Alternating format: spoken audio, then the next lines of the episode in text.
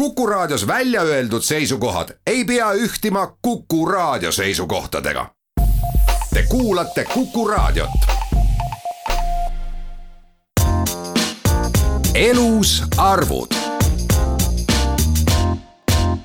tere hommikust, hea Kuku raadio kuulaja. tänases Elus arvud rubriigis räägime vaesusest, sest vaesust ja puudust kannatavaid inimesi on ju meie ümber igapäevaselt ja rohkem teab vaesusest just statistilisest vaatepunktist rääkida Statistikaameti juhtivanalüütik Anett Müürsoo.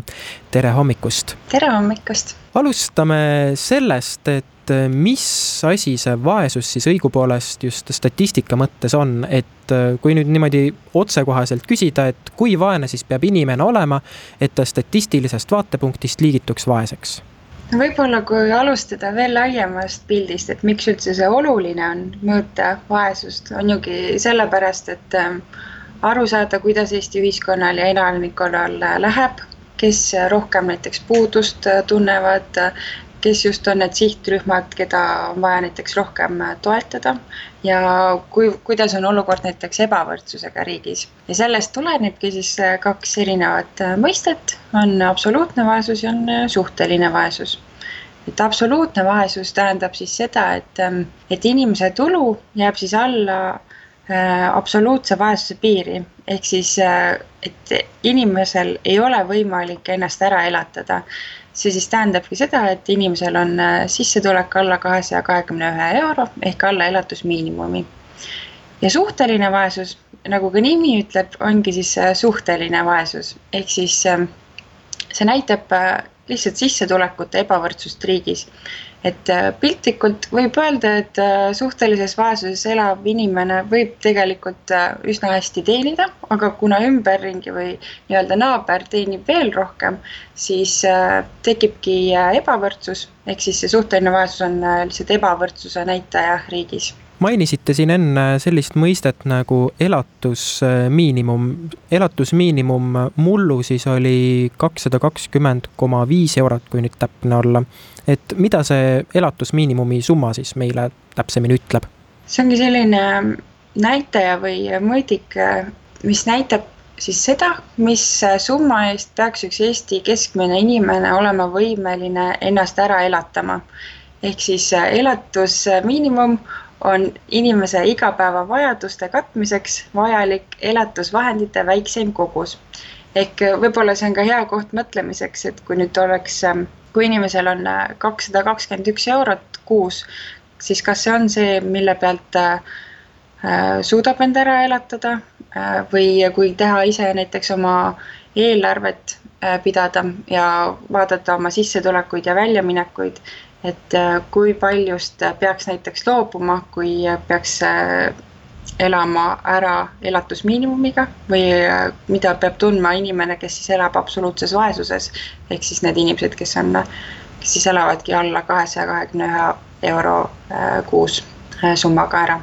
ja teine summa siis on see suhteline vaesus, suhtelise vaesuse piir on kuussada üksteist eurot.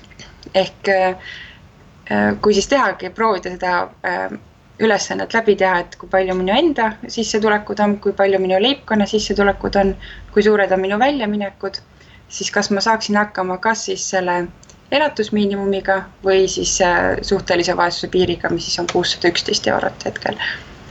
et ma saan aru, et see elatusmiinimum siis tähendab seda, et äh, selle rahaga oleks võimalik äh, niimoodi elus püsida, et see oleks ka tervislik?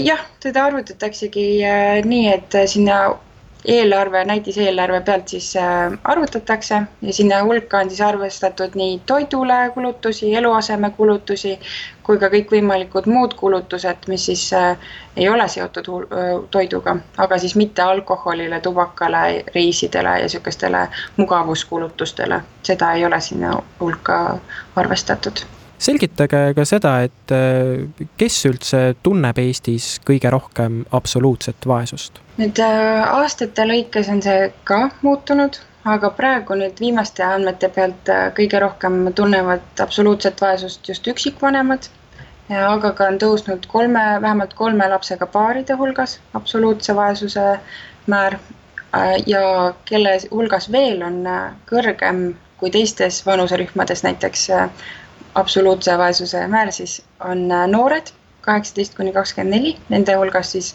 viis koma kaheksa protsenti tunnevad, et nad ei suuda ennast ära elatada või noh, nende sissetulekud ongi väiksemad kui äh, absoluutse vaesuse määr. kui me nüüd aga vaatame Eestis ringi äh, piirkonniti, et äh, kus äh, paigus siis äh, elab äh, rohkem ja kus vähem vaesuses elavaid äh, inimesi? Mhm, ma vaatasin neid äh, näitajaid absoluutse vaesuse pealt, sest äh, minu hinnangul see näitab paremini seda, kus on need inimesed, kes tõesti ähm, siis puudust tunnevad ja tõesti elavadki siis alla selle elatusmiinimumi ja, ja kes siis ongi need, kes kõige rohkem abi vajavad. ja kus neid on siis Eestis kõige rohkem, on piirkonniti äh, Lõuna-Eestis, kus on kolm koma seitse protsenti absoluutses vaesuses inimesi ja on ka Kirde-Eestis Äh, kus on kaks koma kuus protsenti. nüüd parem natukene on olukord äh, Lääne-Eestis ja Kesk-Eestis ja Põhja-Eesti on niisugune äh, nende piirkondade mõttes siis keskmisel kohal. kui võrrelda veel maa ja linna erisusi näiteks, et siis aastate lõikes on näha, et see vahe maa ja linna vahel läheb aina väiksemaks, ehk siis ühtlustub see pilt ka riigis kui minna aga välismaale, et vaatame, mis toimub Euroopas, et äh, kus Eesti liigitub äh, vaesuse poolest siis Euroopa riikide seas?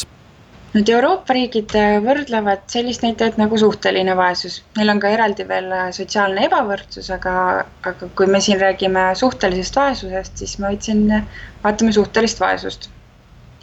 Ehk Eesti pigem on seal äh, tipu poole äh, ehk siis riikide hulgas, kus on äh, suurem see sissetulekute ebavõrdsus ühiskonnas, et kui Euroopa Liidu keskmine on siis kuusteist koma viis Eestis on siis kakskümmend üks koma seitse, siis võib öelda, et me oleme jah, ikkagi tipu poole. nüüd meist eespool ongi naabrite poolest just Läti, on meist paar kohta veel kõrgemal, siis veel ebavõrdsema ühiskonnaga aga Leedu näiteks on väiksema näitajaga ja kui vaadata juba Soomet näiteks, siis Soome on täiesti Euroopa tipus ja, ja peaaegu et kõige väiksema suhtelise vaesuse äh, määraga.